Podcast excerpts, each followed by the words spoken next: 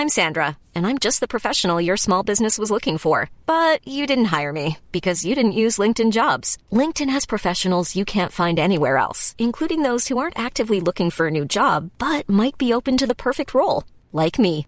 In a given month, over 70% of LinkedIn users don't visit other leading job sites. So if you're not looking on LinkedIn, you'll miss out on great candidates like Sandra. Start hiring professionals like a professional. Post your free job on linkedin.com/people today. Halo pendengar ganteng-ganteng Manchester United Podcast, kembali lagi bersama kita berdua, ada Saung dan Alvin di sini. Dan seperti biasa, hari ini kita akan membahas soal pertandingan yang cukup dinantikan, yaitu Manchester United versus Tottenham Hotspurs yang harus imbang dua-dua. Dan mungkin banyak orang yang sudah mulai cukup pede ya bahwa United tuh akhirnya bisa menang lah atau akhirnya bisa harusnya sih bisa meraih tiga poin gitu. Tapi ternyata ya kita harus imbang dengan eh, gol-golnya siapa ya kemarin tuh yang cetak gol ya? Hampir lupa gue oh ada Richarlison dan juga Bentangkur. eh, Bentancur gitu. Dan gol United dicetak oleh Rasmus Højlund dengan sepakan yang luar biasa dan juga Marcus Rashford yang dengan selebrasinya membungkam banyak haters ya. Gitu. Menurut lo Vin pertandingan kemarin berjalan seperti apa? Ya menurut gua apakah awalnya sih prediksi bagus. lo atau gimana Sebenarnya sesuai prediksi ya karena Heeh. yang gue pernah prediksi juga di preview adalah bagaimana Spurs ini akan bermain secara high high defensive line karena garis pertahanannya tinggi, pressingnya bagus dan itu bakal jadi makanan kita sebetulnya ya karena gue juga udah prediksi bahwa MU bakal bermain lebih reaktif gitu. Cuma sayangnya memang eh, oh ya gue juga bilang bahwa ini Spurs ini bakal mirip pertandingan lawan Aston Villa di mana nanti Rashford dan juga Garnacho ini bakal banyak banget space untuk bisa dieksploitasi. Cuma ternyata memang pressingnya Villa dan Spurs ini beda. Kalau pressingnya Villa kan agak setengah-setengah ya, makanya kita bisa build up dengan mudah. Tapi kalau pressingnya Spurs ternyata lumayan bagus gitu. Ditambah ada Timo Werner juga ya yang langsung jadi starter dan Ya. malah masukin jadi assist kan gitu. Jadi menurut gua sebenarnya secara game plan-nya meskipun ya gue nggak suka cara mainnya, tapi sebenarnya plannya gue untuk match ini ya pendekatannya gue tahu. Cuma eksekusinya gitu. Banyak hal di mana MU ini dalam bertahan menurut gue ya terutama ketika pressing itu ya mengulang aja gitu loh. Mengulang dari kesalahan-kesalahan yang udah pernah terjadi lawan Brighton lawan Arsenal lawan Munchen lawan banyak match-match di mana seperti yang gue bilang ya secara taktikal ya kita tuh kalau pressing setengah-setengah. Kita Hmm. lima pemain depannya pressingnya tinggi banget, tapi lima pemain belakangnya itu pressingnya nggak pressing gitu loh. Jadi dia stay Hmm. di belakang. Jadi Ya. kalau lima pemain depan ini kelewat pressingnya, itu tengahnya bolong nih. Dan itu kejadian kan di gol kedua. Kalau Mhm. dilihat ya lima pemain depan kita pressing semua, kemudian gampang di bypass kan, udah sisanya Mainu sama backnya empat. Oliver Skip bawa bola berapa me- berapa puluh meter tuh dari dari belakang sampai depan kan. Akhirnya kombinasi-kombinasi gol. Padahal di kotak penalti kita ada tujuh pemain, Spurs cuma ada tiga pemain. Itu udah kejadian berkali-kali dengan Ya. skema bagaimana pressing kita di bypass gitu. Dan ini sesuatu yang memang eh, apa ya, nampaknya tuh sulit gitu untuk untuk diantisipasi gitu. Karena eh, seperti yang tadi lo bilang, kita udah melihat hal ini tuh berkali-kali lah di pertandingan yang gue sampai eh, sulit gitu untuk untuk menyebutkannya satu-satu gitu. Bah- bahkan kayak eh, midfield kita tuh rasanya kayak sama sekali nggak ada gitu. Kayak eh, cuma Mainu doang, tapi ya Mainu bisa apa gitu. Bruno Fernandes pasti udah udah sibuk untuk eh, attackingnya gitu. Nah McTominay tanpa atau dengan ada McTominay gue rasa sekarang udah nggak ada apa ya nggak ada nggak ada bedanya gitu dan ketika dia masuk pun kemarin yang harusnya dia bisa menciptakan perbedaan nyatanya eh, tidak bisa juga gitu kan dan eh, apa ya kayak gue sih sejujurnya pertandingan kemarin tuh pertandingan yang menurut gue harusnya United bisa menang dengan cukup nyaman gitu. Karena kayak secara attacking wise eh, tiga pemain depan kita udah mulai nyambung kan, udah mulai klik gitu lah. Eh Højlund udah cetak gol lagi gitu, Eh, terus eh, Rashford juga akhirnya udah bisa cetak gol gitu. Gua rasa Garnacho juga udah cukup nyaman di posisi kanan, walaupun gue harus kasih kredit ke Udogi ya, dia emang beneran jago sih gitu di Iya, iya. di di bek kanan gitu. Bek kiri. Eh bek kiri gitu, jadi makanya si eh, Garnacho ya harus di- harus dibilang dia nggak bisa apa-apa di sana gitu sampai 90 menit gitu kan. Tapi ya itu gitu kayak kenapa secara defensif sulit sekali kita tuh tampil konsisten gitu. Kayak oke lah, gue menyadari ada banyak uh, injury gitu kan, ada banyak uh, hal-hal yang memang susah untuk di di apa namanya dipersiapkan gitu. Tapi masa iya lo lo tampil berkali-kali dengan partnershipnya uh, Evans, uh, atau mungkin Maguire Evans atau Maguire Varane gitu kayak masa iya lo nggak bisa mulai terbiasa gitu kan dengan partner lu gitu. Kayak back four ini kan sesuatu yang apa ya yang yang yang bisa dibilang kayak uh, vital gitu kan. Bahkan gue sempat sempat agak concern ya kayak rekor kita yang unggul halftime tuh bisa bisa gugur gitu di pertandingan kemarin karena benar-benar selama 45 menit uh, Spurs tuh benar-benar mendominasi sih di babak kedua gitu. Hmm. Tapi ya uh, masih untung ya, masih bersyukur kita di diberikan uh, imbang gitu, walaupun kita sekarang hanya berjarak satu poin dari Chelsea di peringkat 9. Um, apalagi ya, kayak gue rasa sih pertandingan kemarin itu mungkin akan jadi pertandingan terakhir ini itu akan bermain seperti ini sih gitu karena uh, Casemiro udah kembali, uh, Lisandro Martinez sudah kembali gitu kan. Terus um, gue gue cukup cukup uh, puas lah dengan kehadiran kehadiran dua pemain itu sih nantinya gitu. Menurut lo gimana, Min? Iya, um, ya sayangnya kayak gue nggak seoptimis lu ya kalau misalnya Ya, ya. lu bilang kalau uh, ini akan menjadi pertandingan terakhir MU main kayak gini. Menurut gue ini Hmm. masalah struktural sih gitu, yang mana ini sulit sekali untuk diubah apalagi di tengah musim.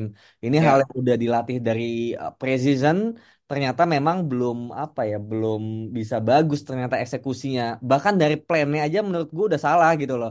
Yang tadi gue bilang plan di mana ketika lu pressing lu cuma pakai lima pemain depan tapi lima pemain belakangnya diem itu udah salah secara Hmm. plan gitu either lu harusnya lu pilih gitu kan kalau mau lima pemain depan pressing ya lima pemain belakang pressing juga gitu loh jadi nggak ada gap kosong gitu kan di antara depan sama belakangnya atau ya lu apa ya set eh, apa namanya sit back aja kayak musim lalu gitu. Benar-benar yang di belakang tetap di belakang yang di depan agak ke tengah. Jadi sama-sama nggak ada ruang kosong gitu. Cuma lu nggak pressing aja gitu loh. Mending kayak gitu daripada kayak sekarang. Sekarang tuh bunuh diri menurut gua gitu loh. Jadi lu mengandalkan lima pemain depan untuk untuk eh, apa ya, berjuang gitu. Once itu ke bypass ya lu selesai kayak semalam gitu loh. Jadi menurut gua itu hal yang sulit diubah dan secara menyerang juga menurut gue decision making kita juga banyak jeleknya ya. Kayak Rashford terlepas dari golnya ya dan asisnya ya. Menurut gue ya dia tetap pemain yang sama kayak kemarin-kemarin sih gitu menurut gue ya. Dan Hmm. dia sama sekali buat gue ya. Ya mungkin dia sebel kali ya dia banyak dikritik tapi buat gue ini belum belum menjadi pembuktian di mana dia bisa eh, dengan selebrasinya ya bilang ah, mungkin eh, apa namanya suruh nutup mulut lah kepada haters ya gitu. Menurut gua belum pantas dia untuk melakukan selebrasi itu kalau dia belum konsisten gitu dengan permainannya ya. Ada momen di mana dia bawa bola dapat dapat eh, apa namanya counter attack, kemudian dia bisa hold sedikit tuh. Hold kemudian kalau misalnya dia lebih tenang dan visinya lebih bagus dia oper ke kanan gitu. Yang mana itu udah kosong Hoylund atau Garnacho gitu. Tapi enggak dia malah mau ngelewatin dan ketika bola nggak dapet dia malah kayak mau ngelempar dirinya sendiri gitu loh ke pemain. Lu kalau ngeliat lu ketawa ngeliat itu gitu. Gue kayak aduh kayak gini lagi gitu. Jadi decision making seperti itu tuh masih sering terjadi terlepas dari memang dari sisi momentum ya dia bisa bikin mungkin bukan assist ya tapi yang leading to goal ya Hoylund dan juga gol gitu. Itu bagus tapi untuk pemain dengan eh, apa gaji segitu dan juga pe- permainan di musim sebelumnya kayak lu masih jauh dari kata bagus sih. Nah ini sesuatu yang uh, disetujui oleh Roy Keane ya. Roy Keane juga berpendapat yang sama kayak lu kayak. Dia bilang uh, ya nggak selayaknya lah dia selebrasi kayak gitu gitu kan. Kayak belum pas lah gitu dengan apa yang udah dia torehkan gitu. Cuman kalau gue berpendapat sih uh, ya terserah dia lah gitu. Kayak gue gue gue merasa kayak ini ini pemain tuh mungkin ya kita nggak tahu gitu. Mungkin memang di di training session mungkin dia bagus gitu. Tapi ada hal-hal yang mungkin ya kita nggak tahu gitu apakah dia mengalami mental uh, isu yang kita nggak ngerti gitu katakanlah atau memang secara secara confidence dia memang lagi drop banget gitu kan. Kayak misalkan uh, misalkan kita lagi main FIFA lah gitu. Lagi main FIFA terus kita kalah mulu terus kita kayak uh, akhirnya cetak gol gitu kan. Gue kalau bisa pencet semua selebrasi gue pencet sih.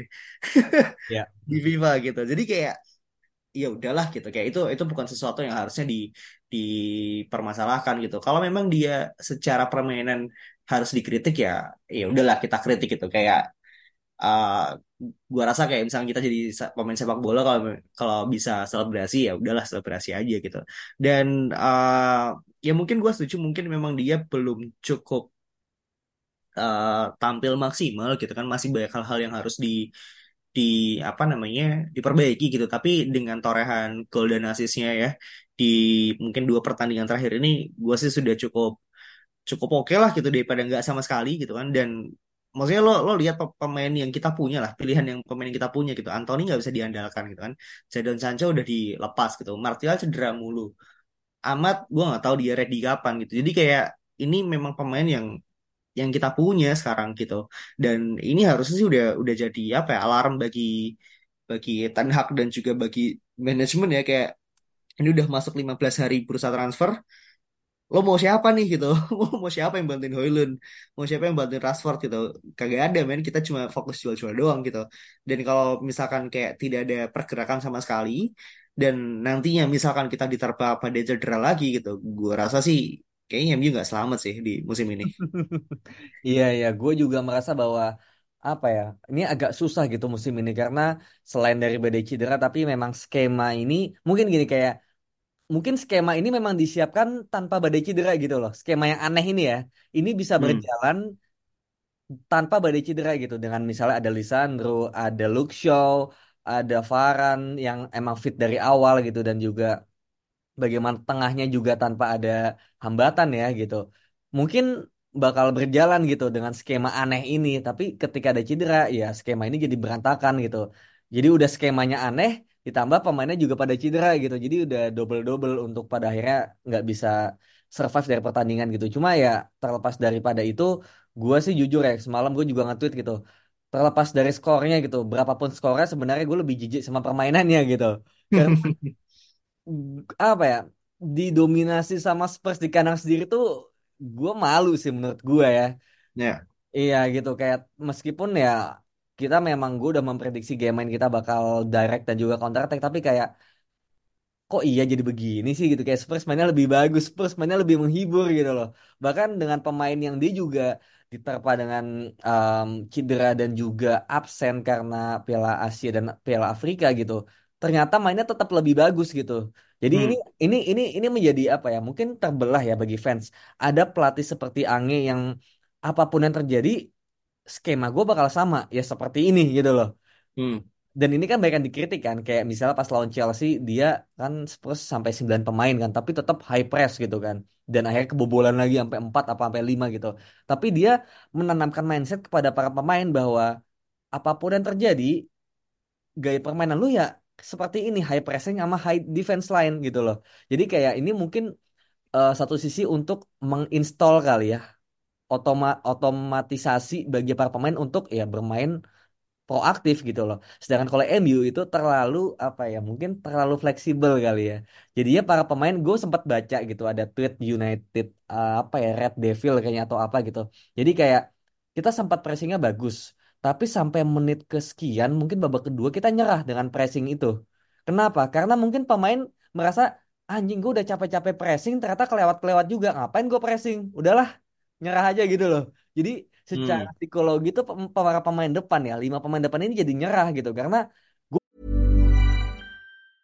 Mother's Day is around the corner. Find the perfect gift for the mom in your life with a stunning piece of jewelry from Blue Nile. From timeless pearls to dazzling gemstones, Blue Nile has something she'll adore. Need it fast? Most items can ship overnight. Plus, enjoy guaranteed free shipping and returns. Don't miss our special Mother's Day deals. Save big on the season's most beautiful trends. For a limited time, get up to 50% off by going to BlueNile.com.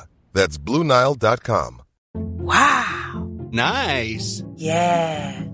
What you're hearing are the sounds of people everywhere putting on Bombas socks, underwear, and t-shirts made from absurdly soft materials that feel like plush clouds. Yeah, that plush. And the best part? For every item you purchase, Bombas donates another to someone facing homelessness. Bombas. Big comfort for everyone. Go to bombas.com slash ACAST and use code ACAST for 20% off your first purchase. That's bombas.com slash ACAST. Code ACAST. Udah pressing, tapi kelewat juga malah kebobolan. Ngapain gue pressing? Udahlah pasif aja.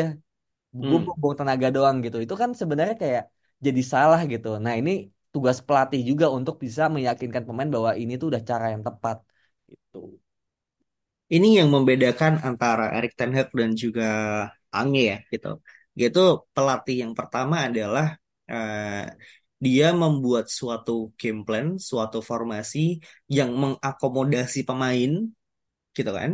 Tapi yang terakhir gitu eh, adalah seorang pelatih yang gue punya game plan ini nih gitu. Apa pun yang gue punya, eh, jenis pemain apa pun yang gue miliki sekarang ya harus bermain dengan gaya permainan yang gue mau gitu.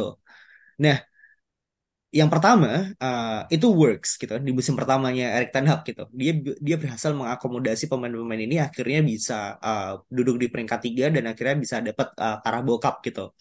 Nah, dia langsung uh, merubah nih approach-nya gitu. Dia pengen punya permainan yang dia punya, tapi ternyata nggak didukung nih dengan dengan dengan pemain yang ada gitu. Dan ini juga diperparah dengan uh, sistem uh, rekrutmen yang nggak jelas gitu kan. Dan juga kayak uh, secara komposisi profil pemain ya emang emang nggak masuk aja nih gitu Ya. uh, hal ini gitu. Dan ini berbeda dengan apa yang dilakukan Angga gitu menurut gua. Angga kayak ya udah dia dia mungkin bukan sosok pelatih yang high profile gitu kan, Hmm. tapi dia mungkin punya ide gitu kan Iya. kayak kayak ya udah nih gua bawa ini lo mainin ini gitu. Nah Spurs itu juga bukan klub yang mega bintang gitu kan kayak bintangnya siapa sih gitu? Cuman Son Son. doang kan gitu. Mhm. kayak Harry Kane-nya udah udah cabut gitu kan. Nggak nggak sempet gitu bermain di bawah angin gitu. Dan Son gua rasa dia bukan pemain yang egoistical gitu. Dia bukan pemain yang kayak punya eh, apa namanya kecenderungan bermain di satu gaya permainan gitu. Nyatanya dia dari sayap kiri sekarang bisa jadi lone striker gitu kan. Jadi ini sesuatu yang works gitu untuk untuk untuk uh, Tottenham Hotspur gitu. Dan gue yakin kalau misalkan kayak Erik ten Hag pada saat itu pindah ke Spurs, itu pun juga akan berlaku gitu. Itu itu pasti akan works gitu. Jadi memang yang terkutuk ini ya klub ini gitu si Klubnya. si United ini gitu. Jadi Iya, iya. kayak kayak kalau misalkan sekarang kita duduk di peringkat 8 ya, 8 atau 9 gue nggak ngerti. Gue udah udah lama nggak cek klasemen gitu. Jangan mending gak usah dicek deh. Iya gitu. Kalau misalkan di akhir musim kayak Erik ten Hag dipecat, menurut gua kayak eh ya udah kita ngulangi dari awal aja, kita riset dari awal gitu. Dan ini ini bukan sesuatu yang yang yang gua uh, suggest gitu sebenarnya gitu. Karena ya harapan gua United bisa kayak Spurs gitu. Bukan bukan dalam bottle uh, ini ya uh, trofi atau klasemen apa segala macam, tapi kayak pemain-pemain ini harusnya satu visi gitu loh dengan apa yang uh, apa namanya pelatih miliki gitu. Kayak masa iya lo uh, Erik ten Hag nih udah empat musim loh berturut-turut di Ajax dia bisa juara Eredivisie. Kenapa sampai United dia nggak bisa ngapa-ngapain? Itu kan aneh banget menurut gua gitu. Kayak nggak bisa lo misalkan kayak uh, siapa ya misalkan kayak Van Persie lah tiba-tiba di Arsenal terus dia pindah ke suatu klub tiba-tiba jadi busuk banget kan nggak mungkin kayak gitu dong. Hmm. Pasti ada sesuatunya kan? Gitu. Dan pertandingan kemarin menurut gua itu menggambarkan hal itu gitu. Wal mungkin skornya sama dua-dua gitu. Tapi cara permainannya benar-benar berbeda gitu. Iya benar. jadi ya Dan kayak kalaupun kalaupun ya Spurs kalah dengan permainan kemarin, gue lebih appreciate Spurs. Makanya gue bilang ya kan, ya ya. terlepas dari skornya, gue jijik sama permainannya gitu loh. ya ya ya, ya, betul. Betul. Dan ini bukan sekali dua kali ya. Makanya gue sempat bilang di episode-episode sebelumnya kayak ya kalian harus siap aja bahwa yang lo tonton ini walaupun menang gitu kan pasti tampilnya akan seperti ini gitu. Kayak ya lo brace yourself aja gitu. Nah gue mungkin sekarang akan lebih sedikit optimis karena beberapa pemain yang memang uh, nampaknya sudah sudah ini ya diharapkan oleh Ten Hag. Bahkan sejak preseason kayak Casemiro lalu Mainu lalu Lisandro Martinez sudah mulai hadir gitu kan. Dan mungkin uh, di akhir Januari atau Februari mungkin udah ada Luke Shaw dan uh, Harry Maguire gitu. Harusnya sih United bisa tampil sedikit lebih baik gitu tapi kalau misalkan kalau misalkan memang apa yang gue omongin salah salah gitu kan dan United nyatanya bermain dengan sama atau mungkin lebih buruk lagi ya gue rasa memang harus ada eksodus besar-besaran sih gitu dan gue harap eh, kalau misalkan Ten Hag harus cabut ya mungkin itu solusi terbaik gitu. Iya, iya. Ini mungkin nanti tentang bagaimana Ten Hag ini bakal bertahan atau enggak bisa kita bahas terpisah ya. Karena Ya, ini variabelnya banyak banget. Bahkan kemarin ya. gue sempat punya pemikiran yang cukup ekstrim ya tentang Ten Hag ini. Bagaimana nasibnya di akhir musim gitu. Karena mengingat dia punya power yang sangat besar dalam hal rekrutmen itu juga satu sisi bisa menjadi eh, pedang bermata, pisau bermata dua bagi kita Hmm, gitu. Jadi itu nanti bisa kita bahas. Tapi intinya tadi balik lagi benar yang lu bilang masalah gameplay. Gua sih berharap gitu. Kalau misal tadi lu optimis, oke lah gitu. Kalau mau sedikit kita optimis sedikit, mungkin ya tadi satu hal positif yang bisa kita ambil dari match kemarin adalah ya Lisandro Martinez. Itu dia main cuma 20 atau 30 menit aja gantiin Evans. Itu udah kelihatan tuh bagaimana visi dia ketika dia pegang bola di situasi sulit. Dia tuh tetap mau untuk bola itu harus ke depan gitu. Jadi nggak kelamaan delay atau nggak kebanyakan ngoper ke belakang gitu. Jadi hmm, isinya benar-benar langsung ke depan dan passingnya tuh benar-benar yang nge-bypass satu atau dua pemain gitu loh. Ada kan tiga momen menurut gue yang dia benar-benar passingnya langsung ke depan. Bahkan ada satu momen dia nge-nutmeg juga kan si gue lupa ya. Johnson atau Richarlison gitu. Jadi ini menunjukkan bagaimana memang sepenting itu sebenarnya Lisandro Martinez gitu. Meskipun gue bukan a big fan of apa ya sistem yang mengandalkan satu pemain ya, tapi kalau untuk selamatin musim, semoga ya ini dia nggak cedera gitu dan harusnya ketika itu tidak terjadi ya cedera itu nggak terjadi di next match sih harusnya bisa ada perbedaan terutama dalam membangun serangan gitu. Ya, ya, ya, betul. Setuju sih gue. Dan pertandingan selanjutnya mungkin masih lama ya, Vin ya. Ya. gue melihat kayaknya kita baru bermain di akhir Januari. Oh iya benar benar ya kan? Iya iya iya. Eh, FA Cup dan ini adalah satu-satunya eh, harapan kita untuk meraih tof- trofi. Dan gue nggak yakin sebenarnya apakah kita bisa, cuman ya daripada nggak sama sekali gitu kan. Dan menurut lo, Vin, apakah eh, dalam berapa ya? Mungkin sekitar dua minggu ini lo bisa melihat adanya improvement. Ya, kalau improvement harusnya dari kemar- kemarin ya, karena kita juga udah lama main juga kan. Iya kan? iya, Dari iya, sebelum lawan Wigan kita udah libur juga dari Desember iya. iya. gitu. Jadi kayak ya ini tuh kayak makanya gue tuh bingung kadang-kadang ya kalau kayak gini ya. Ini apakah emang nggak diajarin? Kadang kita bingung kan kayak ini dilatih apa sih tiap hari, ya kan? Tapi kayak nggak mungkin lu nggak latihan, pasti latihan kan, gitu. Hmm, Tapi apakah memang udah salah dari planningnya atau memang sebenarnya strateginya ada tapi pemain nggak bisa jalanin? Atau emang pemainnya nggak mau jalanin karena beda ideas aja gitu loh. Kayak yang tadi gue bilang, ya, eh, pelatih udah bilang pokoknya lo harus pressing. Tapi ketika pemain ini merasa pressingnya di bypass terus, secara psikologi mereka berpikir bahwa ngapain gue capek-capek anjir gitu ujungnya ke ke ya, bypass semua. Ya udahlah, ya. gue nyerah gitu loh. Jadi itu itu gue nggak tahu gitu yang terjadi yang mana. Jangan-jangan terjadi semua gitu loh. Udah planningnya salah, eksekusinya salah, pemainnya juga ogah-ogahan gitu loh. Jadi bisa aja semua hal buruk yang gue bilang sebagai opsi itu malah kejadian semua dalam satu musim ini gitu. Dan itu ya kalau itu benar terjadi ya itu total mess buat MU sih jadi dengan kembalinya Spurs maksudnya kembali bagusnya Spurs gitu kemudian tim-tim kayak West Ham Aston Villa yang makin menanjak juga sih apa ya? Ya lu bilang eksodus besar-besaran sih ya itu memang bakal terjadi bahkan mungkin di bagian manajerial juga gitu. Maksudnya manajerial nggak cuma manajer ya tapi eh, maksudnya staff-staff juga gitu. Ya, ya, kalau ya, bilang ya. apakah ada perubahan improvement gue nggak yakin. Karena harusnya udah bisa dilakukan dari kemarin-kemarin gitu. Ya, ya, semoga eh ini kita masih punya 15 hari, masih punya 16 hari lah gitu. eh terakhir terakhir. Ya, gimana tanggapan lu liat Wan Bisaka main di kiri wah, eh menurut gua ini sesuatu yang unexpected gitu ya karena Dalot kan udah udah cukup lama di kiri sebenarnya dan Wan Bisaka uh, tetap stay di kanan kan gitu. Jadi gue sebenarnya nggak nggak nggak ngerti apa alasannya Wan Bisaka ditaruh di kiri itu apa yang Ten Hag mau tuh dan sampai itu gue nggak nggak kebayang sih. Gitu. Gue cuman kayak anjing ini beneran gak sih ini dia di kiri gitu doang gitu. Iya iya. Tapi Ada ah, gimana gimana lanjut. iya tapi menurut gue sih bukan ini bukan sesuatu yang apa ya yang cukup eh vital sih sebenarnya. Mungkin mungkin memang uh, Ten Hag yang gue pikirkan ya, mungkin memang Ten Hag merasa bahwa uh, Werner butuh lawan yang secara uh, body itu lebih kuat sih gitu. Makanya dia taruh Dalot di sisi kanan gitu. Dan di kiri uh, di kiri tuh kalau nggak salah Brendan Johnson. Johnson Iya. ya gitu. Dan ini mungkin menurut Ten Hag ya udah uh, Berarti kasih menurut Ten Hag Johnson apa lebih bahaya daripada Werner ya? bukan lebih bahaya sih mungkin secara profil lebih tepat aja gitu Ya, kayak oke. Brennan Johnson kan dia secara mungkin dia pemain muda gue gue Ya. gue nggak nggak nggak sering sih melihat dia gitu tapi secara eksplosif dia cukup cepat gitu makanya dia taruh uh, Wan Bisaka di situ gitu untuk tacklingnya apa segala macam gitu.